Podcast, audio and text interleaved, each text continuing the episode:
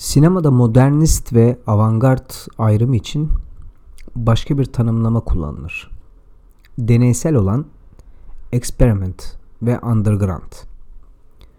Bu iki tanımlama özellikle ticari olmayan sanat filmi meselesini anlatmada kullanılıyor. Deneysel sinemanın derdi narratif yani öyküsel anlatım değil. Tam aksine bunu kırmak için çalışır. Underground tabirini 1960'lı yılların Amerikan avantgardına işaret etmesi için kullanıyorlar. Bunların temel niteliği kişisel olmaları, kişisel film olmaları, alternatif bir mecranın ürünleridir. Politik yönü olan ve onu aynı zamanda zaten avantgard yapacaktır bir şekilde. Underground tabiri de aşırı politik sinemaya atıf yapar. Mesela Vertov da bir avantgardtır aynı zamanda da deneysel sinema örnekleri de sunar. Bunların adını koyan hep Andre Bazin'dir ve tabii ki ekibidir. Onun temel tezi underground için özellikle yönetmenin sanki filmi herkesten önce kendisi için yapıyor oluşu. İşte bu autörlük zaten oradan geliyor. Buna karşı mesela Eisenstein'ı politik olmayan ya da anlatısı olamayan bir e, sinema yaparken de düşünemeyiz. Ama e, anlatı biçimi kişiseldir. Çünkü güçlü sol bir eğilime sahiptir e, bu tür filmler. Underground ya da deneysel sinema anlatıdan e, ne kadar kaçmak istese de yani bir şekilde öznel de olsa e, narratif olan, anlatısal olan, öyküsel olan onu bir şekilde bulacaktır. Yine de bir kaçış e, çizgisi sunduğu için sinema tarihinde önemli görülmelidir. Ee, bir şekilde anlatısal e, sanat sineması politik olmayan ve politik olan diye e, ayrılabiliyor ama yani avantgard sinemayı e, politik radikal radikal bir anlatı ya da anlatısal olmayan diye de e, ayırabiliriz. Özellikle Peter Wall'un bunu izah ediyor. E, bu gösterge bilim e, kitabında da vardı. E, bu tür filmler pek çok şeyi tetikleyebiliyor. Mesela Buñuel'in Altın Çağ filmi 1930'daki ilk gösteriminde e, Paris'te özellikle sağcı basın tarafından topa tutulmuştur. Ki topa tutulacak hiçbir şey yokken. Film sansüre uğramıştır. E, böyle şeyler oluyor. Tabi biz zannediyoruz ki hani böyle şeyler sadece bizde oluyor. Mesela bizde de Gece Yarısı Ekspres'in meselesi vardı Oliver Stone'un. 90'lı yıllarda Oliver Stone için mesela benzer şeyler ol, olmuştu. Yani günlerce gece yarısı ekspresi ile ilgili e, ona karşı çıkan haberler yapılmıştı. Sansüre uğramıştı film falan. E, mesela Emir Kusturica da aynı e, şeylere, aynı şeylerin kadrine uğramıştı. Temel fark şu, bizdekilerin tepkisi e, politik olanın politik olması, belirli bir şeye hizmet etmek için yapılıyor olması safiyane değil bu tepkiler kesinlikle. Bir şekilde yönlendirilen güdümlü tepkilerdir. Başka itici güçlerden beslenirler. İnsanlar da tabi bunun farkına varana kadar çok geç olur. Dışarıda bu işler böyle olmuyor açıkçası. Ee, ya politik ve politik olmayan diye e, filmleri ayırabiliriz her zaman. Ama e, yani bu politik olmayanın da bir politik tarafı olduğunu da unutmayalım. Yani e, parodile, parodilerden bahseden filmler mesela düşünün. E, içerisinde mutlaka bir antipolitik bir taraf vardır.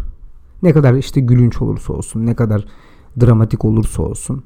E, politikaya film bulaşır kıyısından köşesinden. E sonra ne oldu? Olan şey şu. Hollywood tarzı diye bir şey dayatıldı. Ki Hollywood öyle başlamamasına rağmen Hollywood sineması kesinlikle meseleye böyle başlamamasına rağmen e, gitgide dibine kadar anlatısal, ticari, kişisellikten uzak, kahraman mitlerine dayalı ve apolitik bir renge bürünmüştür.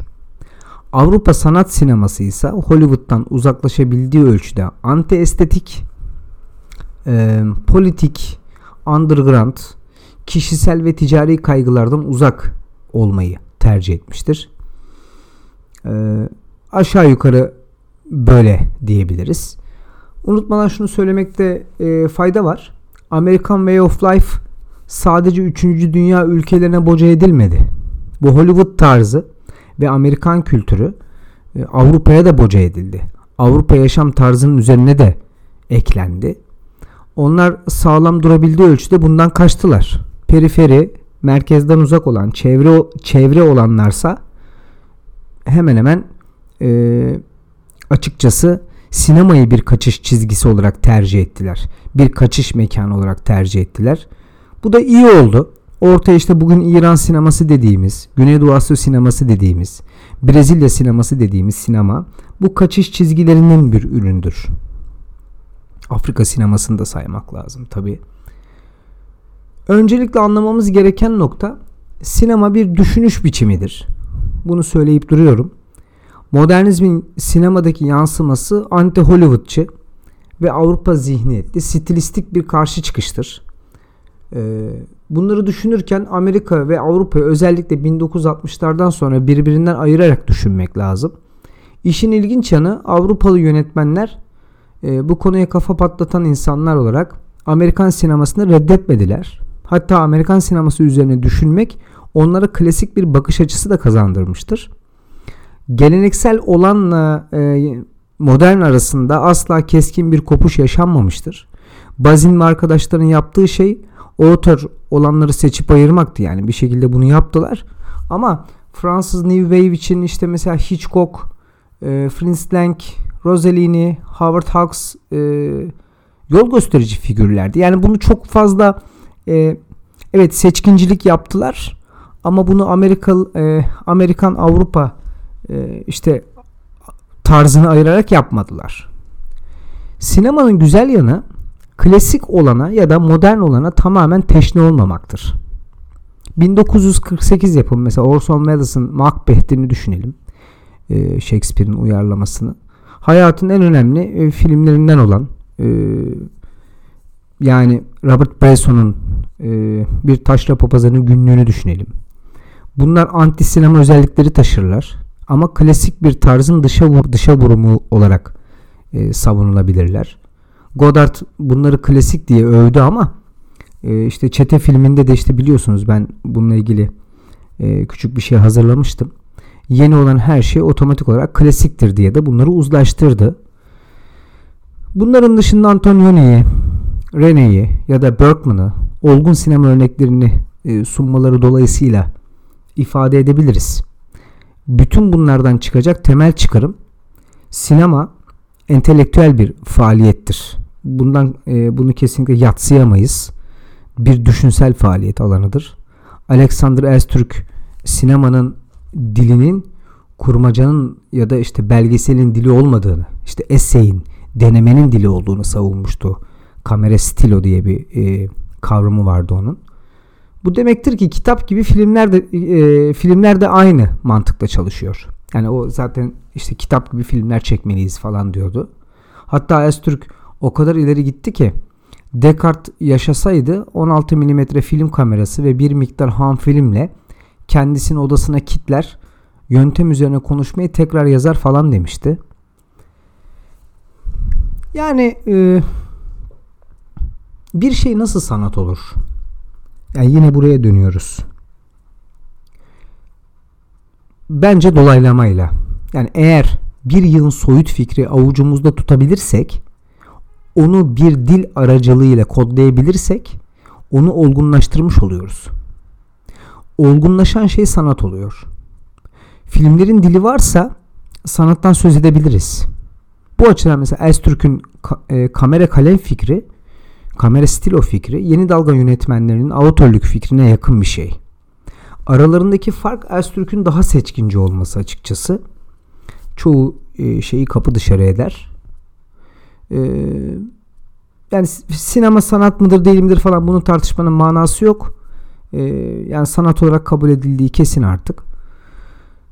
Hmm. Mesela Deleuze'u ele alalım. Deleuze özellikle filmin zamanın e, içsel gücünün bir evrimi olduğunu söylemişti. Elbette Bergson'ın bu işte dure fikri yani süre fikrinden yola çıkmış e, bir çıkarımdı bu. Deleuze sinemayı ikiye ayırır. Yani birincisi klasik sinemanın hareket aracılığıyla ifadesi bu algı ve eylemin etkileme gücüne dayalı. Zihinsel bir nitelik içinde işlenen organik bir yapı. Yani zaman imge e, dediğimiz şey. Bir de e, az önce söylediğim işte hareket imge e, meselesi. Zamanın belirli bir mekanda ayrıcalıklı anlar oluşturarak saf öznel bir yapıyla dışa vurumu diyebiliriz. Klasik sinemanın kökleri sürekli bir zaman dilimi ve sınırlı bir mekan parçasının geleneksel öyküleme sisteminin e, bir anlatısı. Yani algılama, eylem ve tepki. Deleuze'un modern sinema dediği şey aslında bu hareket emgiyi biraz kırıyor. Modern sinema katıksız bir bakış ve ses durumlarının eseri. Çünkü ses devreye giriyor. Sessiz sinemadan sesli sinemaya geç geçiş var. İmge yükseklere çıkartılacak. İlla ki eylem olmak zorunda değil artık. Özellikle 2. Dünya Savaşı'ndan sonra. Ona göre modern sinema çağdaş düşüncenin en iyi yansıması. Bu fizik yani bu e, bedenden çok zihindir açıkçası. İkinci Dünya Savaşı sonrası ne yapacağını bilmeyen bir Avrupalı zihnin perdeye yansıması diyebiliriz buna. Özellikle bu Antonioni'nin Kızıl Çöl filmini falan izlerseniz veya macera filmini izlerseniz ne yaptığını bilmeyen insanları görürsünüz. Delos kendisini yitiren insanın zaman ve zemin ilişkisine bir köprü görevi gören sinemadan bahsediyordu. Bunu bir imkan olarak ele almıştı. Modern sinema dünya ile arasındaki bağını yitiren insan arasında derin bir bağın kurmasına yardımcı olacaktı. Deleuze'un tezleri yüklü miktarda Bergson yüklüdür. Yani e, yüklü miktarda Bergson'dan yola çıkar. Özellikle onun yaratıcı tekamül e, fikirleri e, kitabındaki fikirlerinden e, yola çıkar. Bergson buna sinematografik yanılsama diyor. Sinema nedir? Ee, imgelerin anlık kesitleri ve bu kesitlerin aygıtta akıp gitmesidir. Soyut, kişiliksiz, görünmez ya da algılanamaz bir zamandan bahsediyoruz. Yani hareketten bahsediyoruz. Doğuştan sahte bir şey bu. Mesela Zenon'un ok paradoksunu düşünelim. İşte hareketin yokluğunu savunan e, Zenon daha bu işte e, şeye kadar gider. Milattan öncesine kadar gider. Oluşu düşünürsek ya da bir şeyi algılamaya başlarsak da içimizde böyle bir şey ya- yapıyoruzdur aslında. Yani zaman ve hareket oynatıcı aslında hareketsizliği kavrar. Sinema bize hareketsizlik verir aslında. Daha doğrusu hareket imgeyi verir. E, bu da işte 24 kare vasıtasıyla oluyor. Bunu da biliyorsunuz. Bergson'un ilk tezi bu anlattığımızda uyumlu. Hareket kat edilen mekanla karıştırılmamalı hiçbir zaman. Kat edilen mekan geçmiştir. Hareket ise şimdiye dayanır, şimdiye teşnedir. O kat etmenin edimidir aslında. Kat edilen mekan bölünebilir, hareket bölünemez. Her bölmek istediğimizde doğası değişmiş e, bir şekilde buluruz onu. Deleuze'da e, modern sinema güncelliğini sürekli koruyan bir şey. Mesela Marx'ın sözünü hatırlayalım. Filozoflar dünyayı değiştirmeyi düşünmediler. Olması gereken aslında onu değiştirmekti demişti. Aslında bunu tam tersine çevirebiliriz. Biraz ben burada Zizek, e, Zizek'in fikirlerini savunuyorum. Sinema bize göre e, kendini çekilip düşünmeyi teklif ediyor. Hatta e, tabiatı o kadar çok değiştirdik ki artık şöyle oturup muhasebe yapma zamanımızın geldiğini hatırlatan bir vasıta sinema. Özellikle mesela Deleuze'da insanla yıkılan dünyası arasında bir köprü demiştik. Çünkü insan artık ya dünyaya inanmıyor ya da dünyasını dünyevileştirmiş durumda. İnancı kalmadı. İnanmıyoruz. Bütün inancımızı kaybettiğimiz için sinema burada bize yardımcı olacak gibi duruyor. Du yani şu anda bir şey e, bir şeylerin yardımcı olduğunu söyleyemeyiz. Kendimizi filme alarak aslında çeşitli pencerelerden, çeşitli bakış açılarından muhasebemizi yapıyorduk diye düşünüyorum. Yani 50'li 60'lı yıllarda yapılan filmleri hala bir kenara atamıyorsak inancımızı hala inancımızı tazelemek istiyoruz. İnanç arayışı içerisindeyiz demektir bu. İnanmak istiyoruz. Video kaydı son olarak hatta görsellik kesinlikle hakikat değildir. Hakikate kapı açar veya filmler hakikate kapı açan e, bir role bürünebilirler. Lakin bir şekilde film mantığı zihni biçimlendireceği için biraz da mesela Baudrillard'dan yola çıkarsak simülark etkisini oluşturacaktır. Yani bu artık postmodernizmin sanal gerçeklik çıktısıdır. Bu mecra ne teklif ediyor? Konformizm ve atalet teklif ediyor. Yine de her daim sinemayı bir imkan çıktısı olarak görmeyi e, tercih ediyoruz. Ee, ve umudumuzu kaybetmiyoruz.